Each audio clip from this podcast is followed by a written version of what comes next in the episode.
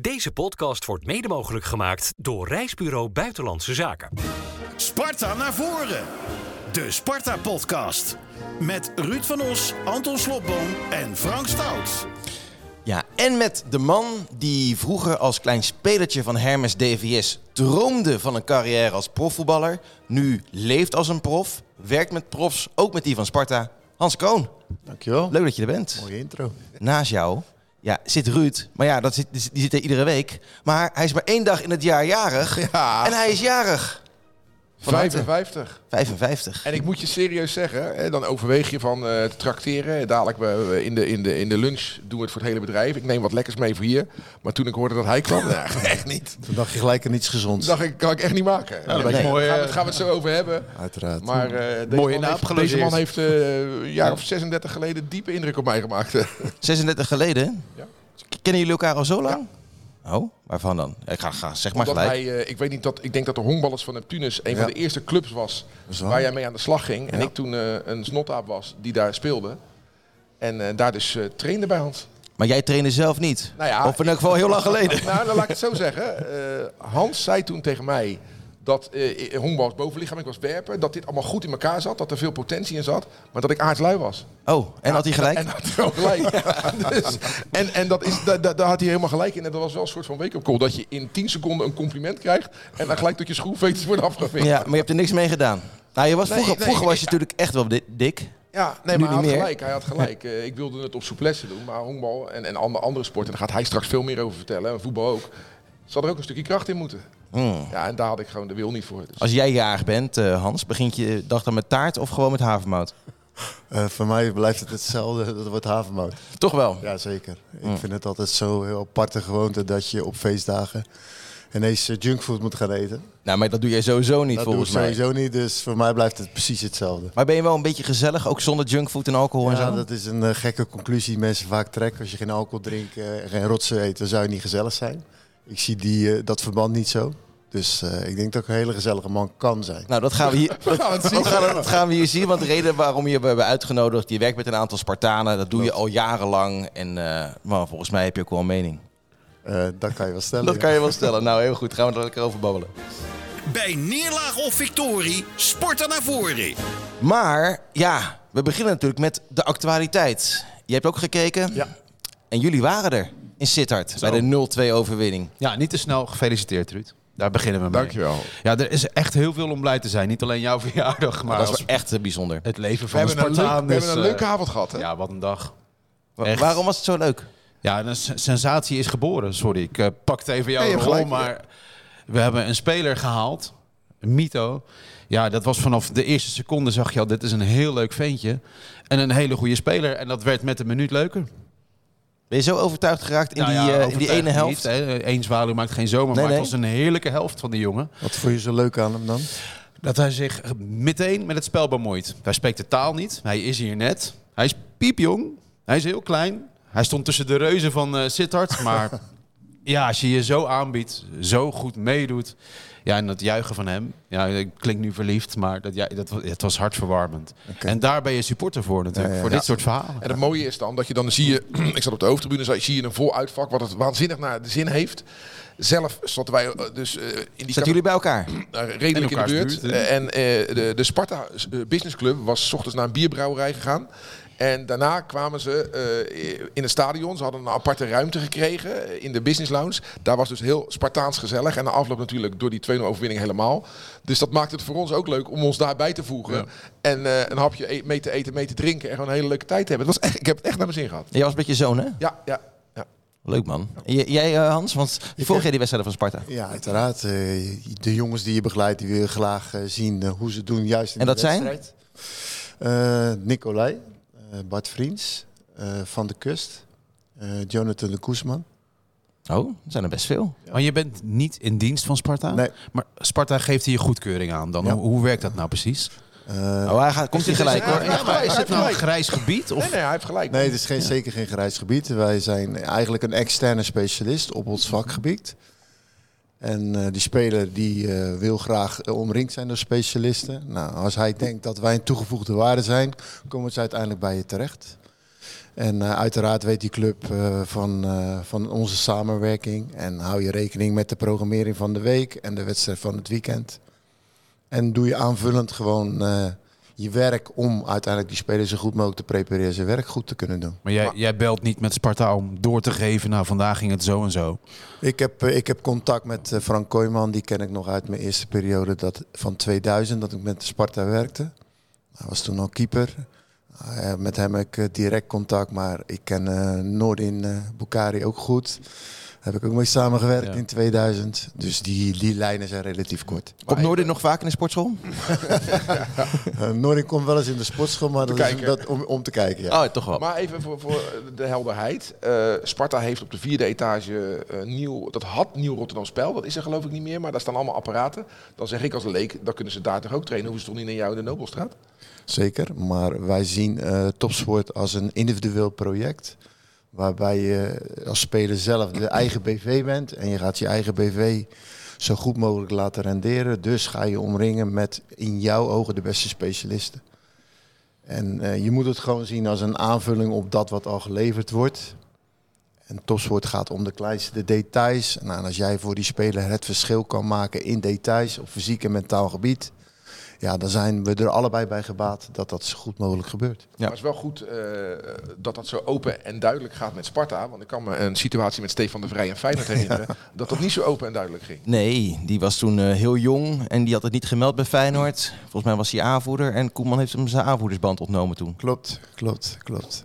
Ja, dat was eh, in het tijdperk dat dat eh, nog eh, moeilijk lag en gevoelig lag. Vooral dat. Ik denk dat het vooral een eh, ego-competentie eh, gebeuren was. We hebben nogal grote egos in de voetbalwereld. Uiteraard hebben wij ook een ego, maar je moet het wel goed gebruiken. Uiteindelijk, als je ziet dat we een gezamenlijk belang hebben, snap ik nooit die controverse. Uiteraard, open communicatie is altijd wat je het meest gewenst vindt. Ja, toen de tijd was dat simpelweg onmogelijk. Moesten we het eigenlijk wel eh, achter gesloten deuren doen. Was dat bij Sparta ook altijd al een beetje, ja, klein beetje sceptisch richting jullie aanpak? Ja, bij elke BVO eh, proef je een bepaalde terughoudendheid. En eh, Nog steeds. ja, nog, nog steeds wel, zeker. Kijk, ik, er- ik zie daar geen enkele reden toe waarom ik ambieer helemaal sowieso niet om in dienst van een BVO te gaan werken. Ik vind juist externe specialist heeft heel veel voordelen. Dat spelers op vrijwillige basis naar je toe komen, betalen uit hun eigen portemonnee. Dit is toch raadselachtig, want zij moeten natuurlijk, wat is het, zes keer per week trainen. Ja.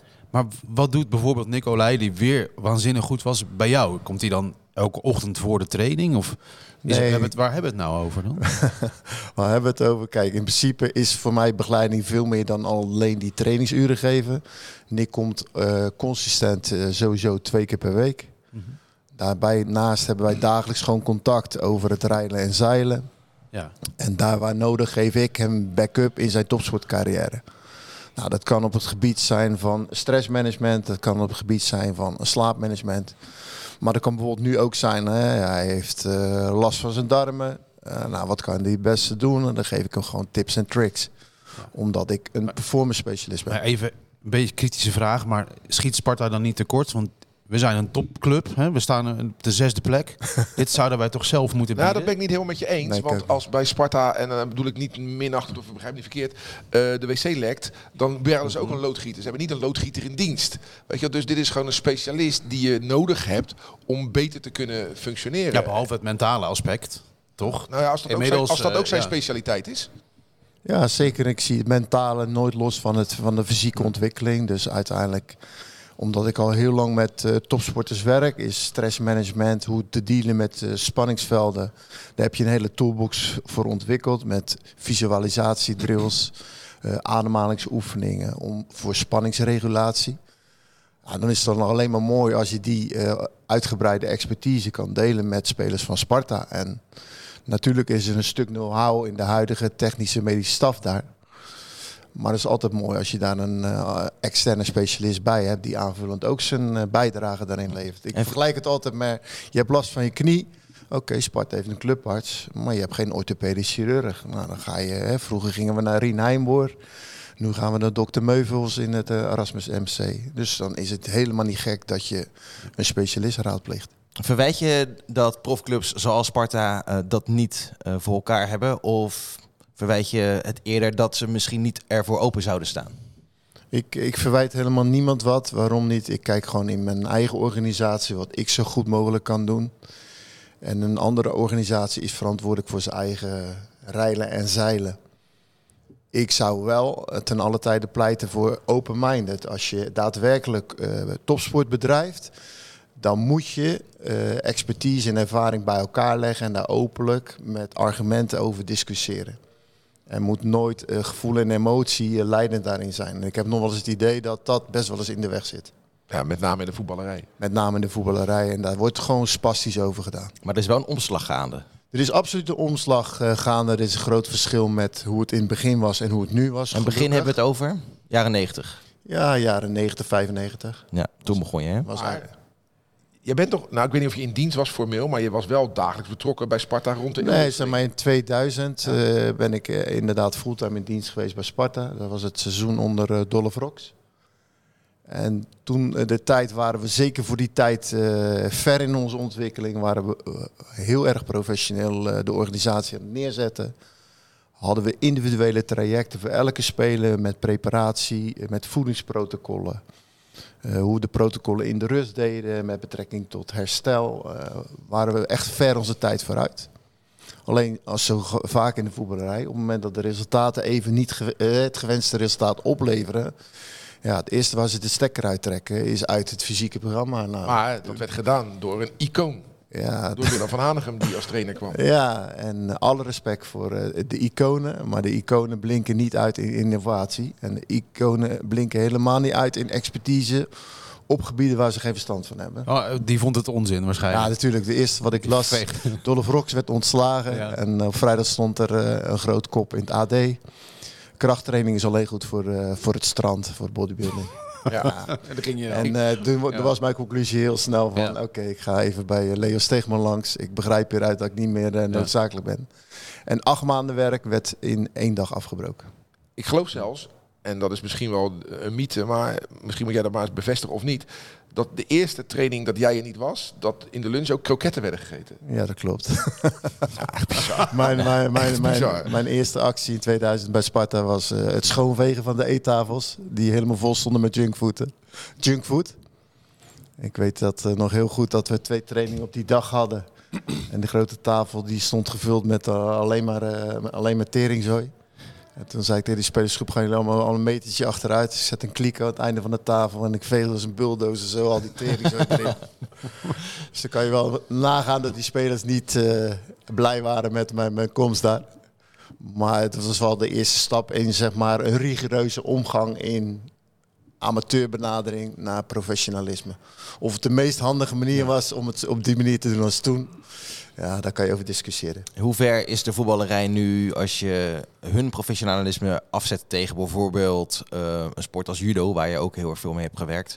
Dan zijn, eh, dan zijn voetballers eh, over het algemeen amateurs. Nog steeds? Ja, zeker. Maar dit, dit, is toch, wij als verslaggers van Rijnmond hebben zeker in het verleden bij veel Nee, in het sporten verleden zeker. gekeken. We zijn naar Olympische Spelen geweest met, met, met Deborah Graaf. Ja, met Hans. Maar, In 2012. maar ja. eh, Noeska Fontijn Ja. en eh, alle. Roy die Meijer. Zijn, die Ja. zijn zoveel verder in, in benadering van, van hun Jawel, sport. alleen je merkt wel binnen de voetballerij Ja. een omslag. Zeker eh, eh, Nou, we hebben het over zes spelers die zich vrijwillig... Vier. Vier spelers die zich vrijwillig bij Ja, jou melden. Nee, precies. Dus dat is dat goed. is veel. Nee, Maar- nogmaals, kijk, eh, ik, ik, ik hou niet van generaliseren. Kijk, wij komen heel veel eh, jonge, en maar ook eh, oudere voetballers tegen die extreem gedreven en gemotiveerd zijn en super professioneel. Als ik bijvoorbeeld Jonathan de Guzman, hè, die toch een eh, WK heeft gespeeld en een ongelofelijke CV heeft. Hij is een fantastische prof. Eh, hij leeft ervoor hoe hij- zijn trainingsmentaliteit, zijn drive, zijn energie, eh, zijn coaching naar jongere spelers toe. Ja, dat is een genot voor het oog. Dus hij is een eh, modelprof. en zo zijn er gelukkig genoeg. En hij zou nog wel een jaartje erbij kunnen, hè? Lichamelijk. Ja, die jongen heeft zo'n goed lichaam. En juist voor die oudere spelers is het belangrijk dat hij dingen extra gaat doen. Nee, omdat ze nu met elkaar gaan praten natuurlijk over contractverlenging. Ja, zeker. Ik zou zeggen, eh, zo snel mogelijk rondmaken. Ja. Hij is eh, alleen al in leading by example is hij een fantastische speler om, om erbij te hebben. Nou is eh, Bart Vriends, die jij ook doet, Ja. toch weer uitgeschakeld. Terwijl hij echt eh Zweepslag. in vorm is. Eh, weer, ieder seizoen is hij wel een keer eruit. Nou, vorig jaar ging het toch goed? ook van? Vorig jaar niet, hè, volgens mij. Maar het is een soort traditie dat hij op een gegeven moment het toch niet haalt.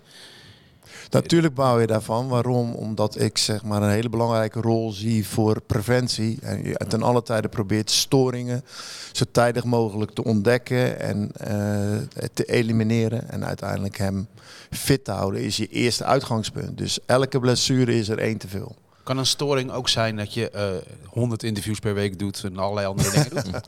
Nee, dat zeker niet. Dat, het- ja, we hebben het hier vaak besproken, Ja, dus ik ben dan toch benieuwd.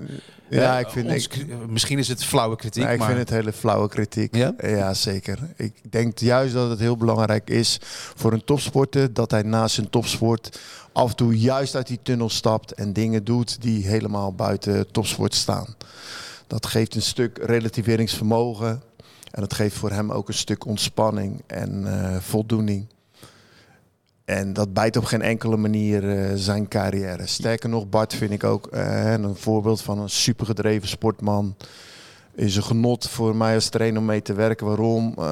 In mijn training praat hij helemaal niet en doet hij gewoon zijn werk. Ja. Dus hij weet heel goed wanneer hij wel moet praten en wanneer hij niet moet praten.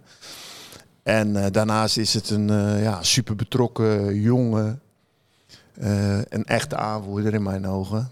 Dus ik denk dat we alleen maar blij moeten zijn als Sparta dat je zo'n speler in Ja, huis want hebt. zij gaan ook praten hè, over contractverlenging. Zeker. Ja. Dus jij zegt weer doen. Ja. Even Gerard Ja, Nijkamp, die luistert ja. altijd mee. Dus, eh, Zeker, zeker. Maar je hebt ook wel eens gezegd, ik werk niet met doorsnee voetballers. Eh, Kijk, ik, werk, ik, werk ik, ben, ik ben zeker, eh, ik sta zeker open voor doorsnee voetballen. Maar wat versla je dan een doorsnee voetballer? Kijk, voor mij hoeft een voetballer geen topper te zijn op het moment dat hij binnenkomt.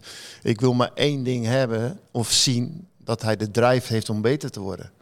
En zodra eh, iemand die growth mindset heeft, hij wil zichzelf ontwikkelen, is iedereen welkom. Alleen een speler ja, die niet wil, ja, blijf lekker weg. Als zo'n ploeg gaat trainen, ook van die, van die gasten die op die apparaten hangen. En lekker zitten ouwe hoeren. Ja, dan ben je bij hem echt aan het verkeerde adres. En eh, je ziet wel eens van die filmpjes op social media van jou en van je zoon. Hè, die ook eh, zeg maar in de zaak eh, zit. Ja, jullie knijpen die gasten echt af. Maar Ja, Eh, nogmaals, ik wil dat wel in de juiste context zetten.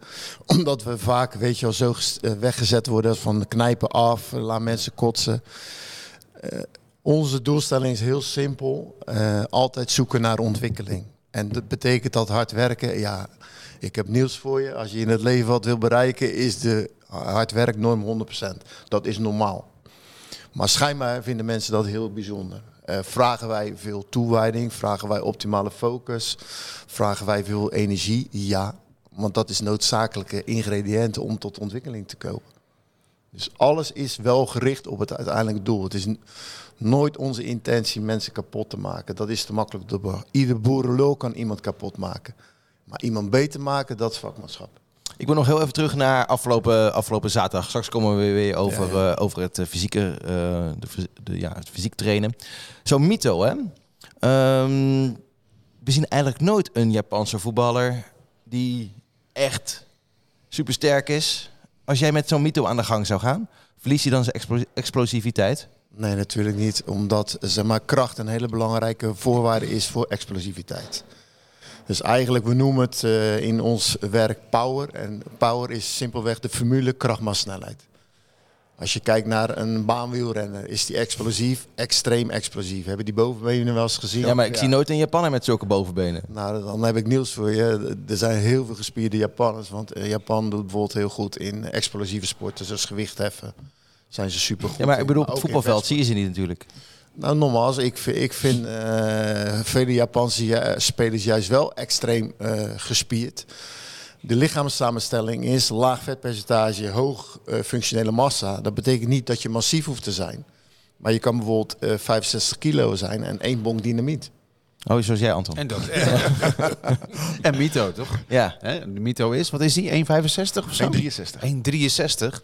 Ja, dus hij heeft een relatief klein frame. Dus eh, op dat kleine frame, daar zit wel een behoorlijk eh, pakket spieren die eh, explosiviteit kunnen je leveren. Als je Mito ziet, als je Saito ziet bij Sparta, zou je wel met ze willen werken? Want je noemt Saito bijvoorbeeld niet, als, dat die, die traint dus blijkbaar nog niet bij jou. Nee, ja. En eh, hoe lang is Saito uitgeschakeld we- geweest door een? Ja, hamstring. Hamstringen. Oké. Dus weet je, het is altijd... Op het Nou, moment maar dat vind ik ook een beetje makkelijk, Hans. Dat Nee, je dan nee, zegt, van, het als hij bij mij had getraind, had hij geen nee, last van zijn Dat is gehad. niet wat ik zeg. Ja, je- Sparta wordt niet blij als je dit zo zegt, toch? Nee hoor, dat maakt toch niet uit. Dat is toch niet zo leuk om te horen? Nee, nee, zo, nee ik, wou- ik, wou- ik, wou iets, ik wou iets duidelijk maken. Kijk, vaak hè, als een speler een spierblessure oploopt, dan wordt altijd een relatie gelegd. Als hij ze toevallig extern terecht, dat het aan ons ligt. En ik gaf dus het voorbeeld, hij traint niet meer ons, maar hij is wel lang uitgeschakeld. Heel, het is nog steeds een, een, een probleem in de voetbalwereld ja, dat spierblessures voorkomen. Het is natuurlijk altijd balanceren op de grens van belastbaarheid. En het is vergelijkbaar met die Formule 1 wagen. Als je op je topsnelheid gaat draaien, ja, dan kom je wel eens een keertje in de vangrail.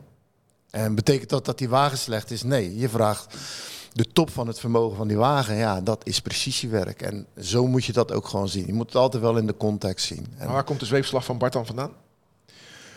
Dat gaat, een, eh, dat gaat een ingewikkeld verhaal worden. Maar wij geloven in eh, hè, dat het lichaam bestuurd wordt door het zenuwstelsel. Het zenuwstelsel loopt vanuit de hersenen door de rug heen naar de, de ledematen toe. Op het moment dat er eigenlijk een relatief kleine storing zit in het bewegingsapparaat, met name in de centrale, krijg je verstoring in de aansturing. Dus het is ook weer detailwerk.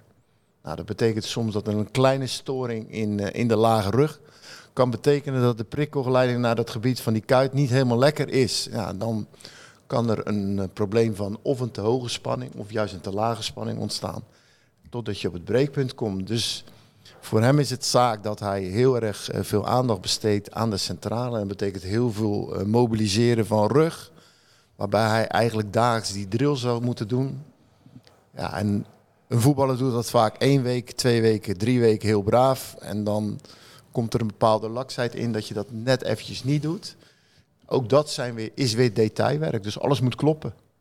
Nog eh, een week of twee, hè? Ja, dan is hij ready. En dan eh, is de kunst voor ons allemaal, eh, zowel intern als extern, om hem van dit dilemma af te helpen voor, eh, voor meerdere seizoenen. Dat zou het mooiste zijn. Werk je nog samen met, met anderen? Want ik kan me toen in die Neptunus tijd herinneren dat je met Jan Hermans ook te maken Klopt. had. Klopt. Hè, Dat is de, de man die onder andere bij Sparta ook gewerkt heeft en met Jaap Stam gewerkt heeft en met Jan Eversen. Klopt. Doe je daar nog iets met, met Hermans? Eh, Nee, Jan is eh, natuurlijk bijna helemaal met pensioen gegaan. Ik vond het wel op manueel gebied een van de allerbeste, Allerbeste. allerbeste vakmannen die ik Ja. ooit ben tegengekomen. Eh, hij heeft mij ook heel veel inzichten gegeven over eh, de- waar ik het- verhaal Over de rug, hè? Over Ja, de rug. ja, ja. Er zit natuurlijk een hele grote relatie altijd met die centrale. Altijd fantastisch om met dat soort pioniers te werken. Jan was zijn tijd ook ver vooruit. Eh, Jan heeft een kort leven gehad bij Feyenoord. Ja, door de, je ken, weet allemaal hoe Jan in zijn persoonlijkheid ook is. ja, dat, dat kon niks anders leiden tot botsingen. Maar wij werken wel samen met verschillende osteopaten. Dus eh, osteopathie vind ik een super waardevolle aanvulling op het geheel. Dan heb je ook te maken gehad met Adrie Poldervaart, denk ik. eh. Adrie Poldervaart eh, ken ik alleen maar als eh, trainer van Barendrecht en mijn zoon speelde daar. Dus Oké, Ja. want die werkt ook bij Jan. ja, nou, die heb ik nooit meegemaakt. We zagen hem bij Fortuna nog. Ja. Mismoedig, shockend naar de reserves. En daar werden wij heel blij van. Ja, daar werden wij heel blij van. Ja. Het is goed om hem te zien. Er is één speler van het huidige Sparta die ik jou echt gun. En dat is eh, zeker zaterdag Briem. Charles Andreas Briem. Die wil nog wel eens mentaal knakken als het even niet lukt. Dan zie je echt zijn schouders, eh, ja, die zakken dan vijf centimeter. D- dat is er nog niet. Hoe ontstaat dan dat contact? Dat moet eigenlijk hem worden aangeraden, denk ik. Want hij weet wie was de eerste Spartaan die bij jou trainde van deze groep? Hij weet waarschijnlijk niet eens dat jij bestaat. Wie was de eerste Spartaan die bij mij trainde van deze groep? Eh, Bart Vriends. Want ik ken Bart Vriends natuurlijk vanuit de periode dat eh, wij met Sparta werkten met Alex Pastoor. 2016. Het jaar dat we de promotie deden van eh, eerste divisie naar, eh, naar boven toe. Dus eh, Bart was toen al onderdeel van de selectie. En zo zijn die anderen ook bij jou terechtgekomen? Heeft Bart Nee, heeft nee, nee. Nicolai is binnengekomen via Ron Vlaar drie jaar geleden. Oh ja. Ron kende hem van zijn AZ-periode.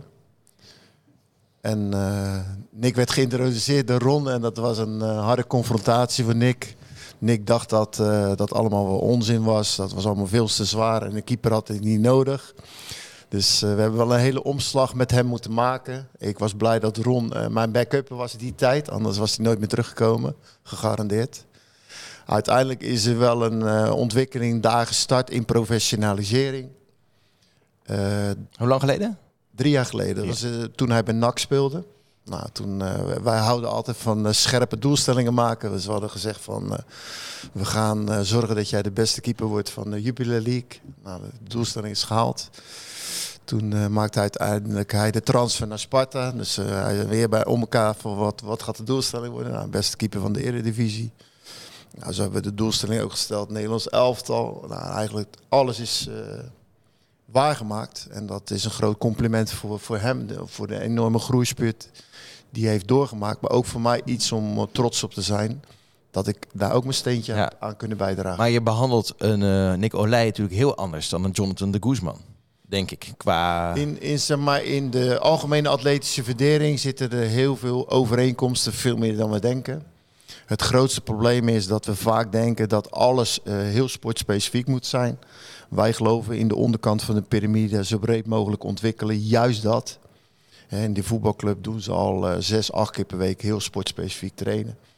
En wij gaan vooral aandacht schenken aan die gebieden die vaak achterblijven. Oké, maar traint een Olij dan bijvoorbeeld hetzelfde als een Roy Meijer, judoka, of Francisco Elson, de basketballer? Ja, kijk, natuurlijk is het uiteindelijk, alles is maatwerk. Eh, dus in de, in de lood, in de belasting, in de belastbaarheid eh, ga je altijd kijken naar de mogelijkheden van het individu.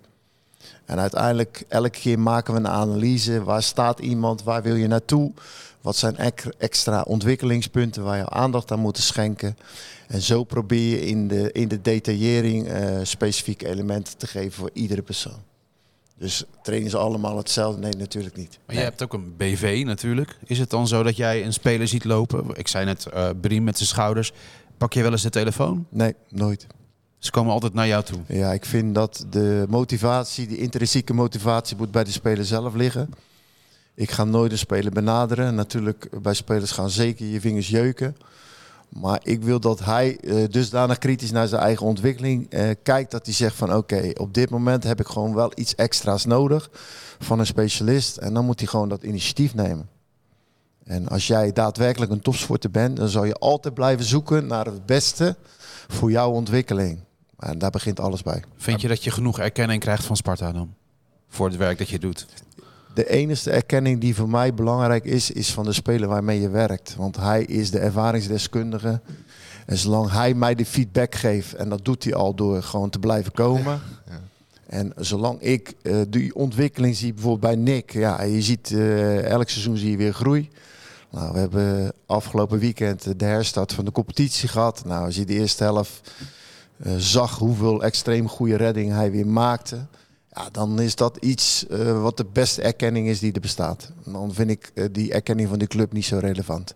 Ja, ik vind dat je, dat je sowieso wel genoeg erkenning krijgt, zeker de afgelopen jaren. Want jouw zoon Jordan, met wie je het programma House of Champions samen runt, die heeft jou nog wel eens verweten van, joh, papa is qua PR een beetje lui, een beetje laks. Niet, Eh, niet lui hoor. Nou, laks, laks wel. maar dit werk doe je al twintig jaar, als het niet Nee, langer ik, is. vind het, ik, ik moet je nu maar nu kom, ja, maar nu, kom, nu kom je een beetje in de, in de picture. Nu, mijn, mijn principe was altijd heel simpel, dat eh, resultaten liegen niet. En ik heb altijd eh, het credo gehad van, ik moet gewoon leveren. En dan eh, is dat het beste bewijs van, van het vakmanschap wat je doet. Ik hou er niet van, van mensen die de hele tijd op zijn eigen borst lopen te rammelen van, kijk eens goed hoe ik het allemaal doe. De resultaten moeten sprekend zijn. Maar Ja, onze technische baas, Gerard Nijkamp, is hij wel eens bij jou langs geweest? nee, Heb je hem wel eens gesproken? nee, Dat is toch gek? Ik vind niks gek. Nou, ik vind dat Ik wel. ja. Ik vind dat echt gek. Ja. Ja.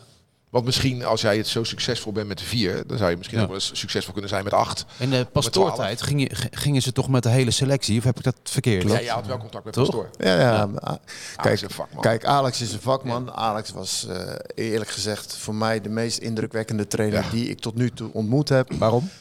Omdat hij een missie en een visie had die tot in de details uitgewerkt was. De eerste kennismaking met Alex Pastoor was, eh, we zijn gaan zitten. Hij ging een eh, presentatie doen waar hij zijn visie ging uitleggen. Dat was de beste presentatie die ik ooit van een trainer heb gehoord. Ik heb bijvoorbeeld zo'nzelfde gesprek gehad met Dick Advocaat. Nou, dan eh, een grote contrast als tussen die twee, dat bestaat er gewoon niet. En dan weet ik, eh, we zijn altijd in Nederland eh, heel voorzichtig en eh, heel respectvol naar iconen. Maar daar ontbreekt wel eens een kritische blik, zeg maar. Ja. Maar Alex was in dat opzicht gewoon eh, zijn tijd voor, vooruit. En nu heb je, je hebt dus geen contact met, eh met Gerard Nijkamp. Nee. Ik ook niet met Jeroen Rijsdijk. Ehm, en hoe is het met andere clubs dan? Want er lopen ook genoeg Feyenoorders bij jou. Heb je met Arne Slot wel contact of zo? nee, nee. Toen wij als, met Feyenoord hebben we simpel hadden we een app waarin eh, zeg maar de hoofd van de fysieke afdeling zat en de clubarts. Waar we steeds eh, non-stop contact hadden.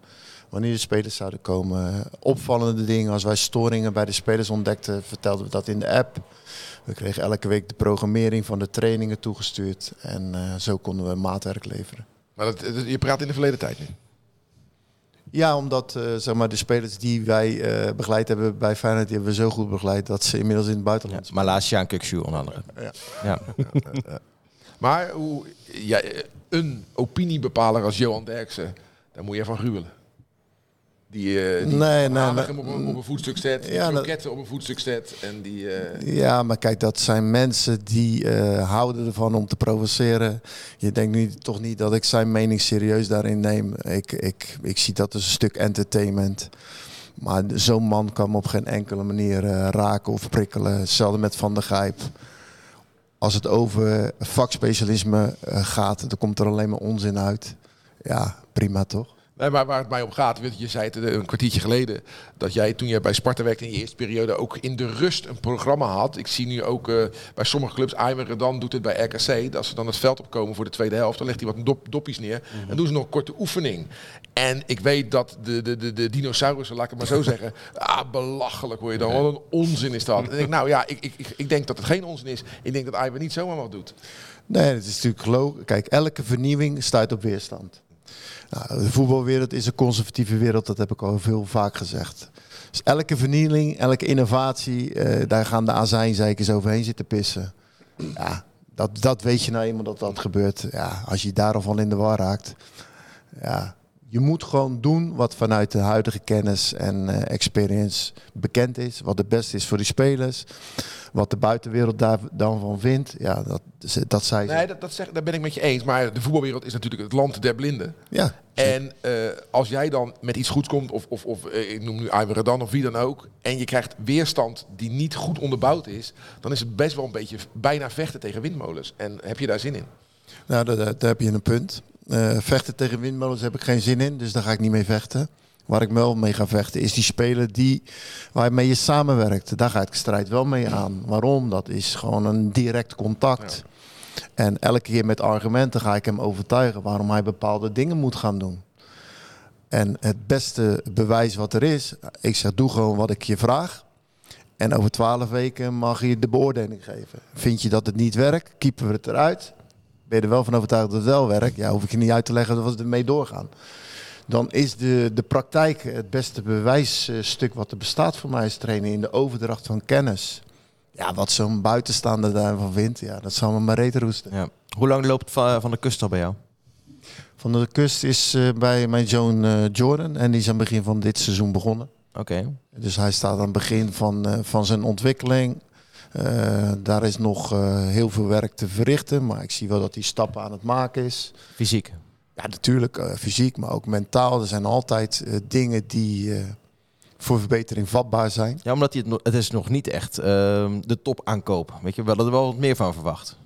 Op sportief vlak. Ja, misschien heb je dan een te hoog verwachtingspatroon gecreëerd voor hem. Ik denk dat hij redelijk goed op weg is. En natuurlijk eh, kan het altijd beter. En eh, daar werkt hij ook hard voor.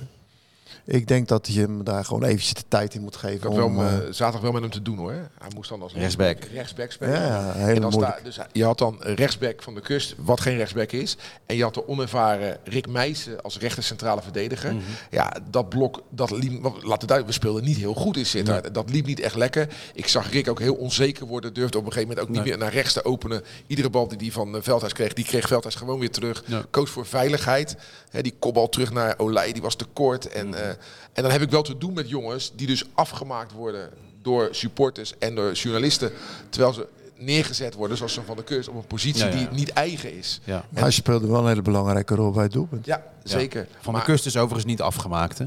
Nee, maar je hoort de reacties van die kan er geen reet van. Kijk nou. En, Ja. maar er is een heel groot nuanceverschil in tussen hij kan er geen reet van en we hadden er misschien wat meer van Ja. verwacht. En aan de andere Ja. kant zag ik Warmerdam. ja, ja, en die vond ik gewoon zeker. niet zo goed spelen. Want die rechtervleugelverdediger Pinto van, eh, van Fortuna. Dat leek wel of hij op de startbaan van Schiphol liep. Ja, ja. Die kon maar blijven gaan. Het lag helemaal open. En Ja. eh, we waren wel kwetsbaar. We hebben wel een hoop kansen tegen gehad. Ja. En een Nou, hoop geluk. Een hoop geluk gehad. Dat is natuurlijk ook zo. Maar de ploeg van eh, 2016-17, kampioensploeg. Me- me- nee, meestal, me- meestal is 2015, Anton... 15, 16, ja, want die ploeg daarna was... Meestal vindt Anton dat het te weinig over de actualiteit gaat. En Ja, veel ja, supporters ook, maar ja, Anton dit eh, duikt over erin. de actualiteit, want die ploeg was heel fit. En heel vaak besliste de wedstrijden in de slotfase ook. Klopt. We hebben een keer geweldig van Emmen gewonnen thuis. Cruciaal. Eh, dit seizoen hebben we een paar keer verloren. Of, nou ja, niet verloren. hè. Feyenoord bijvoorbeeld hielden we niet vol. En zo was Excelsior? Het, eh, was Slotfase? Twente niet. Excelsior niet. Ja, maar daar, Is- daar heb ik wel oorzaken voor. Ja, maar Feyenoord is Feyenoord. En, en tegen Twente waren we met 10. absoluut. Maar jij, kijkt- jij volgt Sparta ook. Denk je dat Sparta fitter zou kunnen zijn? Een ploeg kan Is altijd... daar, is daar Eh, een- waar dat te... Kijk, een ploeg kan in principe altijd fitter zijn, want het is maar net wat is je norm. Kijk, ik zoek de norm echt in de bovengrens. Eh, zie je dan mogelijkheden voor eh, verdere groei bij een ploeg? Ja, natuurlijk. Dat is geen disqualificatie van de mensen die daar zitten. Maar het is altijd, ik zie haast altijd wel ruimte voor progressie. En eh, dat wil ik niet alleen op Feyenoord toes- of op Sparta toespitsen. Maar dat zie ik bij andere teams ook. Dus dat, dat is niks vreemds. Nee. Het is maar net, wat is jouw norm van fitheid? Maar Sparta is toch niet...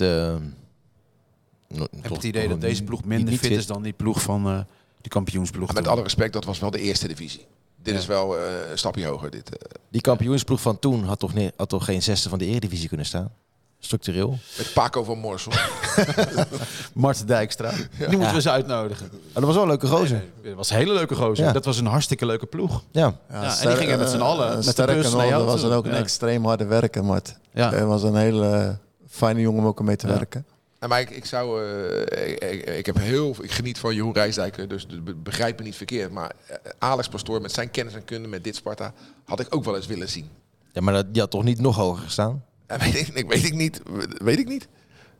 Ja, tegelijkertijd zit Alex natuurlijk met alle respect bij Almere City. Ja, maar dus dat- daar zal toch ook een reden voor zijn. ja, ik denk We dat. maken hier nu zo'n god ik- van, ik weet al wat Ruud gaat zeggen, maar, nee, maar nogmaals, ik vind, kijk, bij Alex is natuurlijk wel één heel duidelijk ding wat zichtbaar is.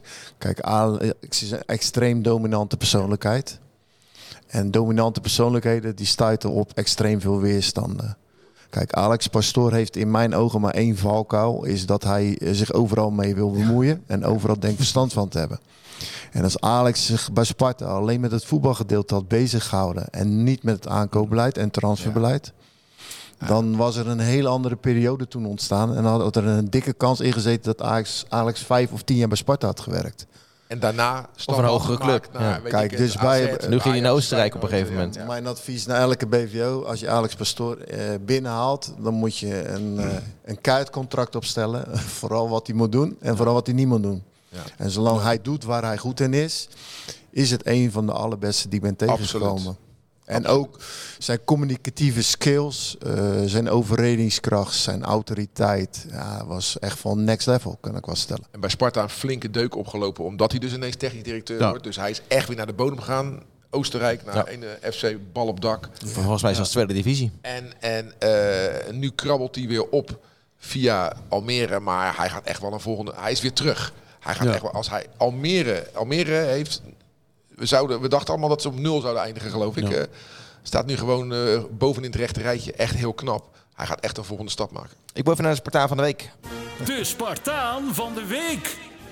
Anton, je hebt een heel klein briefje meegenomen. Papier in huizen slotbomen was op, eh, zo te zien. Wie heb je Ja, opgeschreven? op. Ja, de hele ploeg was geweldig natuurlijk.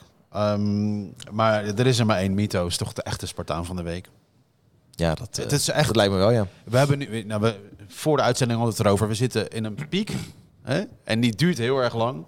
Maar dat het echt kriebelt voor zondag, want dan spelen we weer. Dat is toch, ja, dat is wel echt lang geleden. Je ziet grote mensen echt als zich als kinderen gedragen, want we mogen naar Sparta. Ik vind het wel bijzonder leuk. we zitten in een piek. Terwijl de vorige, de vorige wedstrijd voor eh, Fortuna uit, die werd eh, dramatisch verloren van ADO. Ja, Maar die heeft, dat heeft- had geen invloed op onze stand op de ranglijst. Nee, nee, nee. Maar zo, zo zie je dus. Nee, maar oh, die doet wel zeer. Want Ja. eh, als je dat bekertoernooi ziet, hè, we hadden in een kwartfinale kunnen staan. Alle groten moeten tegen elkaar. Ja, Daar hadden we met deze ploeg echt succes kunnen behalen. Dus daar hebben we onszelf lelijk in de vingers gesneden. Maar winnen en verliezen doe je met elkaar, toch? Hans? Maar Dus, eh, Nee, weet je, de, zeg maar, de bekercompetitie, dat blijft altijd een competitie op zichzelf. Daar gebeuren mentale krachten. ja, dat, die, dat die, kan toch niet? Ja, maar Oh, het, ik word er nog boos van. nee, het blijft een feit dat dat wel zo is. Dat op een of andere manier de focus toch altijd anders is bij dat soort wedstrijden dan bij competitieve komt wedstrijden. het ook niet door de trainers zelf, die met tweede keepers gaan spelen? En eh AZ Ah, we nogmaals, eh, gezien. nou, nogmaals, dat vind ik sowieso een verkeerd signaal naar je spelersgroep toe. Want dan, geef, dan geef je wel eigenlijk aan dat je niet 100% serieus Maar dat neemt. heeft de Rijsdijk niet gedaan. Nee, nee, nee, nee. Je moet ten alle tijden met de sterkste Ja. formatie spelen. Wij verloren juist van een ploeg die dat wel deed. Ja, maar ged- gedwongen. Gek genoeg. Hey, Ja. Maar eh, nou hebben we niet eens een perfect seizoen, hè, want we verliezen thuis van Almere. Ja. Eh, als je dat soort wedstrijden er ook eens punten had gepakt, waar hadden we dan gestaan, joh? Vorig jaar hadden we na 17 wedstrijden 31 punten. En nu hebben we er 25. We staan op dezelfde plek. Maar inderdaad, we hebben inderdaad punten laten liggen op momenten dat het niet had gehoeven. Excelsior uit was er zo een. En heeft, Sparta, dan nog? heeft Sparta Ja, ook is- wedstrijden gehad dat ze te veel hebben gekregen? Uh, Feyenoord thuis. Ja, Ook al dat we met 2-0 voor stonden, maar die kregen een kans. Dat is echt, echt niet. En, Misschien en, en ook wel- Ja, maar en- toen en- kreeg Sparta ook een hele grote kans met Clement. Eh, ja Die had die misschien wedstrijd moeten beslissen. eh, Sittard uit. En misschien Sittard uit afgelopen zo- eh, Ja. zaterdag. Ja. Ze kregen ook, eh, kans. Ze zeggen ook nog een pingel. Als we die pingel erin was gaan, had ik het nog Ja. moeten zien. Zo, Fortuna. hè? Zeven Ja. pingels gekregen dit seizoen, vijf gemist. Ja, ja, ja. Ja, maar ik hoor heel veel het woordje als, als. Maar weet je, als stelt niet. Kan jij in niks mee. Nee, daar, kan ik helemaal niks mee. Dus dat is jouw meest gehate woord. Ja, tuurlijk. Deze hele podcast is gebouwd op het woord als. hè, dat weet je. Nee, dat is niet mijn jargon. Eh, daar geloof ik gewoon niet in. Kijk, je moet je altijd eh, houden bij de feiten. Nou, de feiten is dat eh, er voetballers fouten maken. En dat de keuzes eh, fouten gemaakt worden in het veld. Ja, de kunst is om eh, de R's zo eh, veel mogelijk te minimaliseren. Ja. Ja. en dat is eigenlijk waar je met z'n allen heel de week keihard aan moet blijven werken. Geloof je wel in trainingskampen? Nee, natuurlijk niet. Want dat heeft zoveel geld gekost natuurlijk. Zijn hele operatie. Heerlijk lekker joh, lekker in het zonnetje. Ja, dat waaide er heel hard. Ja, wij- weet je, ik moet, het ja. nu, ik moet nuanceren waarom ik zeg eh, nee, natuurlijk niet. Omdat 9 van de 10 keer eh, gaan wij altijd in de overgang en, en naar de wintersport eh, op trainingskamp. Het lijkt wel een soort van eh, iedereen doet dat, dus wij moeten dat ook doen. Dat is typisch voetballerijbeweging. ja, dat is typisch voetballerijbeweging en dus daar houden we niet van. Er moet wel een goede reden zijn waarom je naar een andere locatie gaat met andere bedden, met andere voeding, met een andere omgeving. Dan moet dat een meerwaarde zijn en die meerwaarde moet overduidelijk zijn. Nou, bijvoorbeeld eh, bij Excelsior we zijn we een trainingskamp gegaan. eh 80% van de selectie heeft een voedselvergiftiging opgelopen. Ja, dat is een risico als je op een andere locatie gaat zitten. Wat niet de meest eh, dure accommodatie is. Want er moet altijd eh, bezuinigd worden op budget. Nou, viel wel mee hoor. Vier Zat ze- sterretjes, Bonalba, ik ben er geweest. Volgens mij zaten ze in een vier hostel. sterren- eh. Vier sterren is geen vijf sterren. Nou, zat- Nee, er zat in maar Sparta geval- zat ook in vier sterren namelijk, in uh, in ieder geval wel Montepiedra. een kippetje verkeerd tussen. En, Ja. eh, dat maar dat hebben we met Nederland zelf toch ook gehad, hè, een jaartje Ja, geleden. dat klopt, dus dat Dat is gebeurt. voetballerij. Ja. Maar goed, eh, mijn argument was: een trainingskamp moet wel meerwaarde hebben. Het moet overduidelijk zijn. Dus ik vind daar moeten we wel kritischer in zijn om maar te pas en te onpas trainingskampen eh, te introduceren. Ja, daar zie ik helemaal niks in. Nee, want Nicolai die wilde heel snel naar huis. Hè, Ja, en Bart. Vriends vond het hartstikke leuk. Ja, tuurlijk. Ja, maar ik vraag me Ja. wel af, en daar heb jij veel meer verstand van dan wij drieën. Maar als je moet spelen in, eh, in eh, 3, 4 graden, is het dan ook niet handiger dat je traint in 3, 4 graden? Ja, nou, ik vind dat absoluut waar. Dat sowieso. Dus hè, in, de, in, het lichaam zit een biologische klok. En de biologische klok die houdt van structuur, die houdt van vastigheid. We weten allemaal dat het belangrijk is dat je moet spelen op de ondergrond. eh wa- onder ondergrond waar je op moet spelen, dat je daar ook op moet trainen. Dat is logisch. Dus ja, als je van een, van een zomerse temperatuur naar de vrieskou gaat, ja, dat vind ik dat niet de beste voorbereiding. We hebben het net over de Spartaan van de week eh, gehad. Nou, dat vinden we unaniem Mito. Wie is eigenlijk de Spartaan eh, aan wie jij de warmste gevoelens, gevoelens eh, koester? Op Nou, dit niet- moment? Nou ja, gewoon met wie je hebt gewerkt. Of, eh, Goeie vraag. en dan niet Alex Pastoor noemen, want die hebben we al besproken. Willem van Hanegem. Ja. Dick Advocaat ook een, heeft ook even bij Sparta gezeten. Nee, ik moet zeggen dat ik, ik haal heel veel voldoening uit de samenwerking met, met Nick. Dat is eigenlijk wel het meest recente voorbeeld. Ja, ik, ik eh, kan genieten van zijn eh, groei en ontwikkeling. Dat is iets wat mij als trainer ook trots maakt. Je zat in de docu, hè? Ja, Poortwachter op ESPN. ja Dat was het, eh, ik vond dat eigenlijk het leukste stukje van de hele documentaire. Niet om, niet om te slijmen, maar het was ja, gewoon snel gemonteerd. Het was, zat, zat goed in elkaar, veel sprekers, was leuk. Ja, dat is een heel mooi document geworden. Ja. Wat ook eh, een heel veel brede beeld geeft van hoe Nick als mens in elkaar steekt. Er zaten ook voor mij eh, nieuwe dingetjes in. Dus eh leuk. Nou, ik vond het heel lief om te zien eh, dat zijn vrouw dat briefje in zijn tas Ja, had was op- mooi, Op de ja. wedstrijddag. En Ja. we weten allemaal hoe belangrijk is de support van het thuisfront. Hij heeft een fantastische vrouw. En ze zijn echt een heel mooi gezin gezamenlijk. Ja, en zijn vrouw eigenlijk zo backup geeft aan de carrière van haar man. Uiteindelijk hè, staat die vrouw toch vaak op de achtergrond. Ja, dan is dat hartverwarmend om te zien. Ik vond het heel mooi. Ik vond dat, eh, maar ook de liefde voor zijn kinderen, eh, de passie maar waarmee hij eh, met hun begaan is, ja, is mooi om te zien. Ja, merk jij iets van het feit... Nog twee weken. Ja, nou is hij weg. Nee, dan sluit de transfermarkt. en hij is er nog. Nou ja, dat wilde ik vragen inderdaad. Merk jij iets van het feit dat hij stiekem ergens nog een klein beetje baalt dat er geen, nou ja, dat hij nog niet, dat hij gewoon nog wel met plezier naar Sparta rijdt, maar dat hij met net ietsje meer plezier naar een ander clubje had gere- gereden. Nou, niet stiekem. Daar, daar hebben we het open en bloot over. Kijk, Sparta is een eh, fantastische club voor hem. Waarbij hij eh, enorme stappen heeft kun- kunnen maken, ook dankzij de club. Dus voor allebei is het een hele mooie samenwerking. Maar natuurlijk, het is een ambitieuze topsportman. Ja, die kijkt altijd naar, naar de volgende stap, natuurlijk. En ook hij doet dat. En hij was heel dicht bij een transfer naar Ajax. En als daar een bepaalde meneer Sven niet had gezeten, dan had hij ook, eh, was hij Ajax-speler geweest. Ja, en daar heeft hij nog last van? nog? Merk je daar iets van of valt wel mee? Hij heeft er geen last van, maar dat zijn wel dingen waar je af en toe nog eens eventjes aan, aan terugdenkt. Dat soms die kleine details het verschil kunnen maken in een switch in je carrière. Ja. En nu speelt er weinig, hè?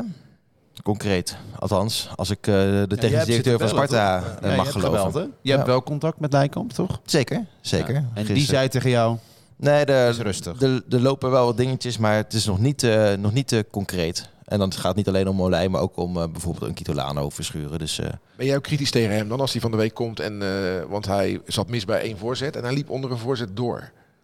Waarbij die bal voorlangs ging. Praat je daar dan ook over met hem? Natuurlijk. Tuurlijk. Je, je bespreekt alles. Dus je, je bent sowieso kritisch. En je kijkt altijd naar de verbeterpunten. Dus dingen die niet goed zijn gegaan, natuurlijk spreek je daarom op aan.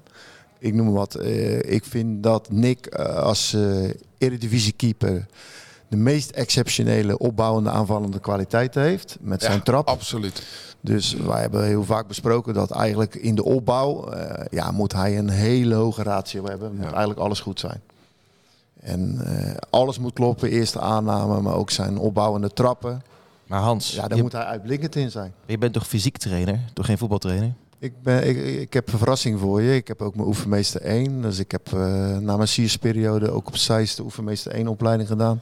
Ik heb 16 jaar zelf gevoetbald, dus ik heb zeker Maar een goed voetbal- paard maakt toch geen goede ruiter?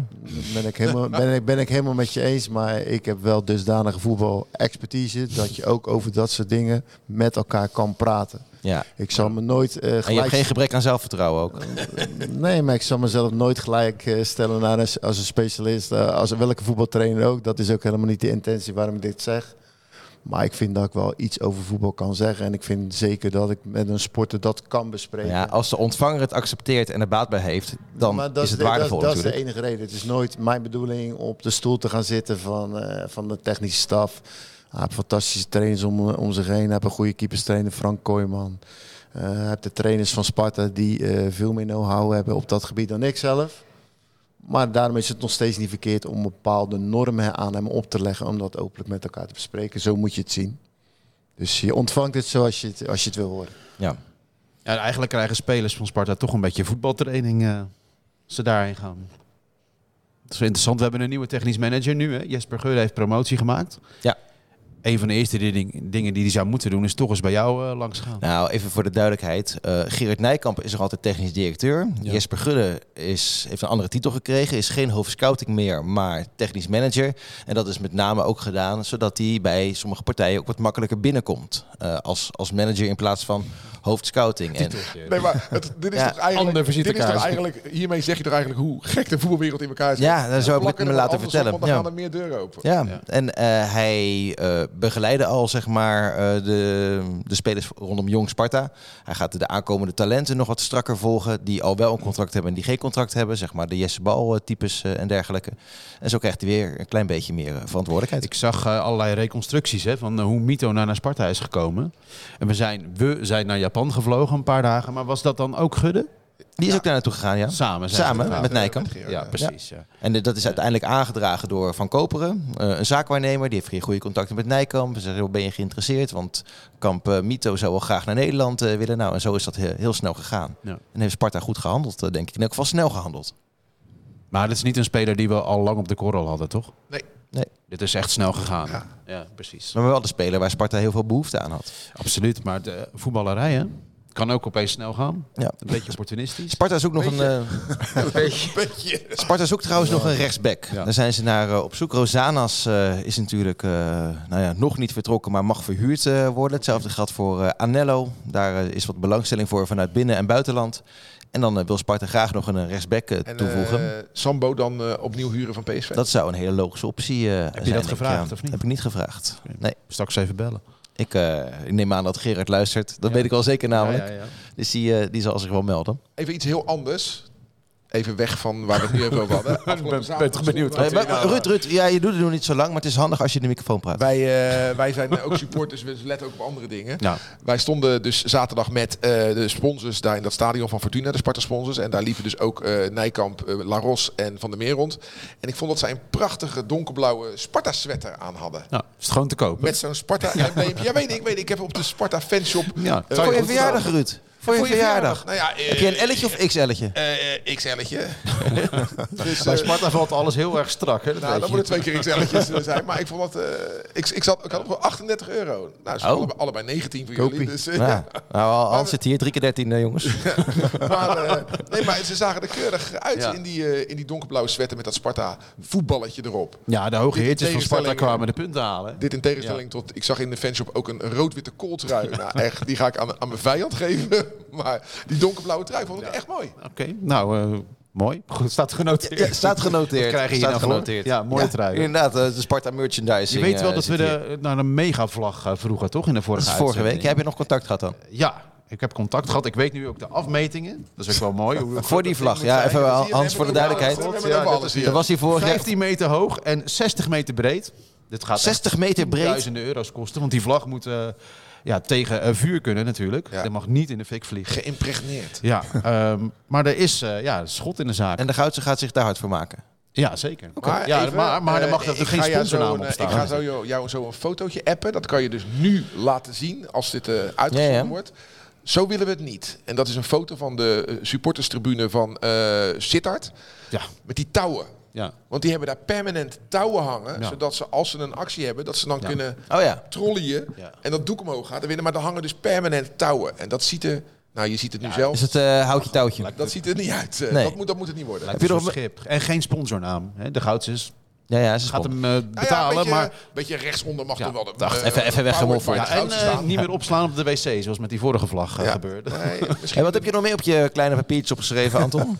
Nou, iets interessants. Want eh, Oh. ik zag eh, de- wie de scheidsrechter is. Hè, Go with Eagles thuis. Makkely? Echt, ja, Makkely. Maar de VAR...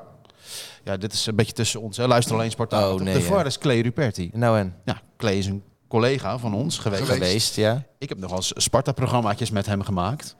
Kan dat dan? Die, eh, tuurlijk kan dat. ik merk aan de stilte dat het schijnt, gek is. Nee, het schijnt bij de KNVB zo te zijn. Als je in Rotterdam woont, kan je Sparta niet eh, Ja. eh, begeleiden als scheidsrechter, VAR of wat dan ook. Maar hij woont tegenwoordig in Capelle aan de IJssel. Oké, En dan kan het wel. ja. Maar nu ik het weet, ja. ik nou heb ja, zijn ja. nummer. Ja, ik vind dat Ja, lastig om over... benoeming, jongens. Nee, maar ik vind dat lastig om over, eh, om over te hebben, omdat, eh, nou ja, Clay is gewoon een wereldgozer. En Ja, we hebben nog wel eens eh, privécontact. Niks en, eh, over Clay.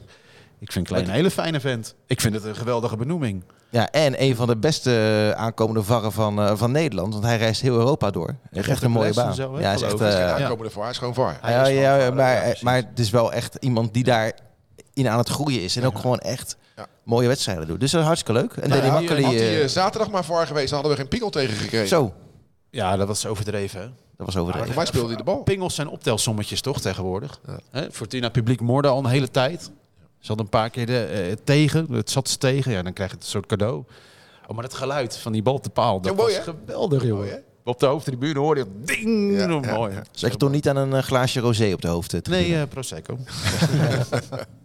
ik zat naast Sinclair trouwens. oh, Sinclair die natuurlijk naar ESPN, we gaan al onze oud-collega's bespreken, naar ESPN is gegaan.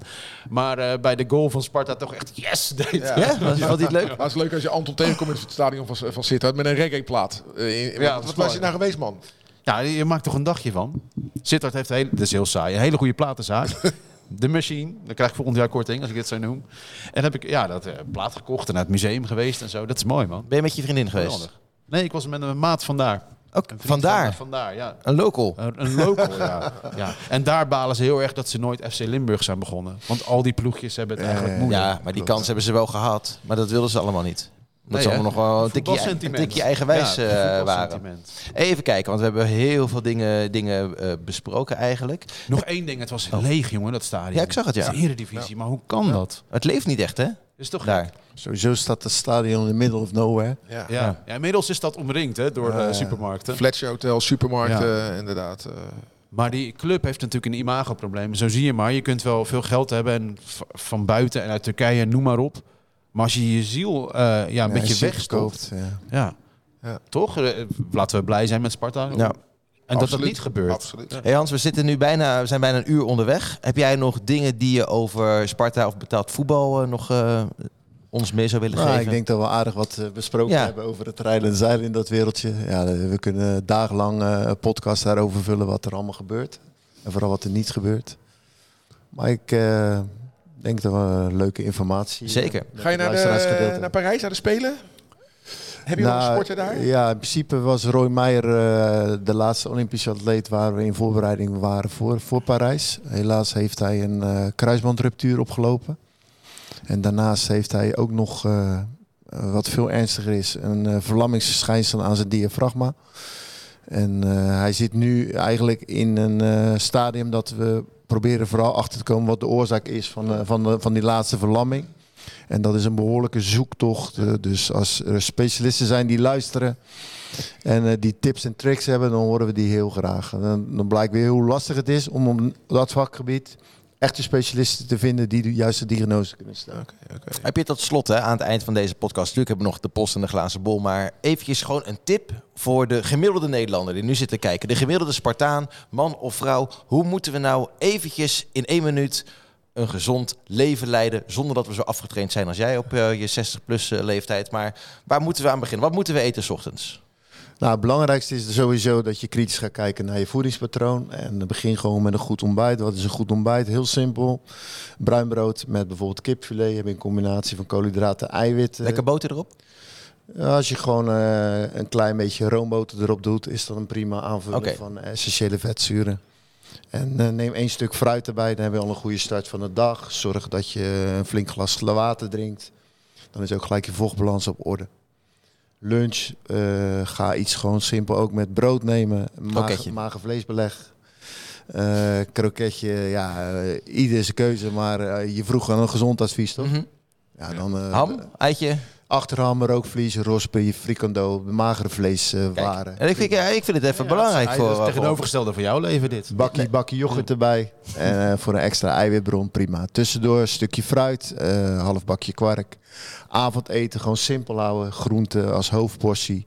Aardappelen kan gewoon? Aardappel is prima. Koolhydraatbron, aardappelen, pasta, rijst, prima.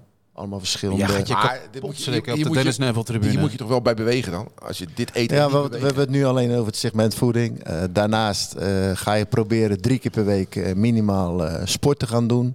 Als je elke dag een bewegingsmoment kunt creëren, simpelweg door te wandelen, de trap te nemen, eh, iets vaker de auto te laten staan, iets vaker de fiets te pakken, nou, dan kom je ook in de goede richting.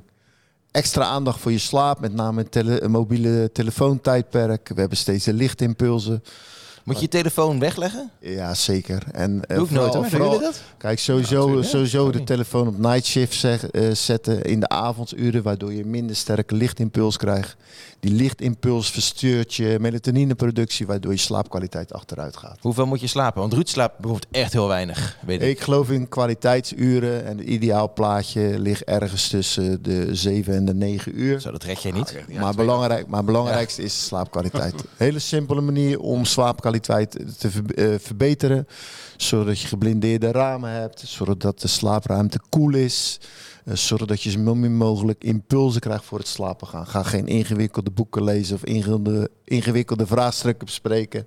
En ga simpelweg ademhalingsoefeningen doen. Dit knip ik even uit voor mijn vriendin, dat ze niet moet eh, zeuren voor het slapen gaan. Dat is, dat is lekker. Ja, Ja. ja. Vriendin, kijk toch, kijk toch de hele podcast? ja drie keer terug. Zeker. Oké, nou, lekker dan. Maar als jij naar de Dennis Neville gaat en ziet wat er aan snacks wordt Ik verkocht, weet het. schrik je je rot. Ik En niet alleen. Dennis Neville. Ja, nou, het, Ja, het leven overal. Voetbal, Nee, maar zo, kijk, sowieso in een voetbalstadion, je kan niet eens wat normaals kopen. Het is alleen maar rotzooi. Dus we vinden dat al normaal. Ja, maar wat verwacht je dan? Dat ze Sparta even een saladebar eh, aanbiedt met... eh, Nee, maar we, we kunnen wel, we kunnen wel kijken wat onze maatschappelijke verantwoordelijkheid daarin is. En het zou toch wel niet meer als normaal moeten zijn dat in theaters, maar ook in stadions, in ieder geval iets normaals te verkrijgen. Ja, zoals? Wat is nou makkelijk? Nou, Een kan, rijstewafel. nee, ik denk mee, hè? nee, je zou bijvoorbeeld in plaats van een gevulde koek, zou je bijvoorbeeld een havenkoek kunnen ontwikkelen. Eh, je kan eh, eiwitrepen verkopen. Je kan eh, bakjes yoghurt met eh, fruit erin verkopen. Het hoeft allemaal niet zo heel ingewikkeld te zijn, maar nu is er gewoon niks. Alleen maar teringzooi. Ja, zo'n bakje fruit, dat gooit ook wel lekker eh, natuurlijk het Een veld. stukje ananas. Wat zit er in die gleuf? Tijd voor de post. Is wat binnengekomen van Ruud Ammerlaan. Ik weet niet of jullie die supporter eh, kennen. Zeker, van Europa Run. eh, Oh, nou vandaar, want hij gaat weer een stukje lopen. Eh, zaterdag 27 januari is het RKC tegen Sparta. En eh, Ruud, dat moet jou goed doen eh, Hans, die eh, gaat hardlopen naar, eh, naar Waalwijk. 75 kilometer. Hij wil graag wat aandacht daarvoor. Nou ja, bij deze. En Ruud, laat maar even weten waar we kunnen doneren. Want hij, hij wil gesponsord worden. nou ja, hij wil wat aandacht voor zijn een eh, website actie. of zo? Voor, voor Kika gaat hij hardlopen. Die website of zo? Of- Ja, dat weet ik dus niet. Dat heeft hij allemaal niet bijgezet. Dus, eh, dus bij deze. Mooi initiatief. Ja, Ja, toch? zeker. Wel te vinden op ITWM, denk ik. Vast wel, vast wel. gaat zoeken. En Sean had nog een eh, vraag ingestuurd. Was, voor mij was het via YouTube. Wanneer komt er een Sparta vrouwenvoetbalafdeling? Maar die heeft Sparta toch al? Eh, ja. Ja. en die gaat hartstikke goed, die vrouwenvoetbalafdeling. Dus die is er wel. En die zijn op weg naar eh, een plekje in de eredivisie. En als dat zo is, kunnen we Sparta Vrouw op tv zien. Hè? Nee, maar dat is, is dat niet gewoon een kwestie van een licentie kopen voor de Eredivisie? Ik geloof het wel, hè? Ja, maar je En moet er wel volgens toch? mij ook een beetje dicht tegenaan zitten. Ja. Het is niet als dat je nu een vrouwenteam kan verzinnen en dan zeg ik, ik heb, ik heb geld, dus ik zit in de Eredivisie. Oké, ik zag ze laatst... eh, eh, die Jonneke Schuurbiers heet ze, de baas van de vrouwenafdeling. Dat is volgens mij de partner van Dolf Rocks. oh, maar dan Die moeten hebben we uitgenodigd, dus die komt... Kunnen ze niet samenkomen? Lijkt me wel leuk. Ja, dat zou hartstikke leuk zijn. Zit Dolf nog bij Ajax? Ja. Ja. Nou, dan kunnen we gelijk die samenwerking eh, bespreken. Ja. En opzeggen. Lijkt me goed. De glazen bol. Anton is uitgelopen. Nee, dat is niet, dat zeg je verkeerd. Ja, op jou, maar mij ingelopen. op mij uitgelopen, op jou ingelopen. Want jij, hebt de, jij was de enige die een eh, overwinning had voorspeld, namelijk in, eh in Sittard. Dat is mentaal optimisme, jongens. Ja, jij had eh, 0-1 eh, Kitolano gezegd. Eh, vriend Geert Bouwmeester had wel 0-2 gezegd, maar ja, die doet niet mee. De stand is nu 9 eh, punten voor jou, 7 voor mij en nog altijd Ruud bovenaan met 15 punten. Nu gaan we voorspellen voor Sparta tegen Go Ahead Eagles. Weer- Ik denk, Weer 2-0. Denk je dan niet een beetje te makkelijk? Ja, ik- Dat is 2-0. nogal een pot, zeg. Verschuren eerste goal. Ja. Anton, Eh 3-1. Mythos. Mythos scoort. Mythos scoort. zeker. Tuurlijk. Ja, ja, hij moet risico nemen. eh 1-1 Lauritsen. Nou, je laat ze in ieder geval niet verliezen. Dat Nee, en, ik, en eh, kijk, ik had het al opgeschreven. Zie je, het is niet zo dat ik... Eh, geloof ik ja. Maar wie scoorde de eerste goal bij jou? Eh, Mito. Mito. Oké, nou eh, Hans, jij mag meedoen voor eh spek en bonen. Ik had ook? 3-1 in mijn hoofd. Oké, en Is wie, het nou zo dat we en wie scoort er als eerste? eh, de Guzman. Ja. Ja. en anders, En de ja, gaat er niet mee. Eh, Olij misschien. Olij, assist. Maar die houdt niet de nul. Nee, en van, en van de kust, assist. Ja. Heel goed, heel Dus goed. snap het. Ja, Is nee. het nou zo dat we met Saito en Mito kunnen spelen al? Want dan hebben we een voorhoede nou. Nou, hij, zat Saito niet, zat niet bij de selectie, hij toch? zat niet op de Nee. bank, dus ik denk dat dat nog te vroeg is. En jij was in Spanje. Ja, Hij zit er tegenaan, toch? hij zat er tegenaan, ja. Maar Clement... eh, kreet. ja.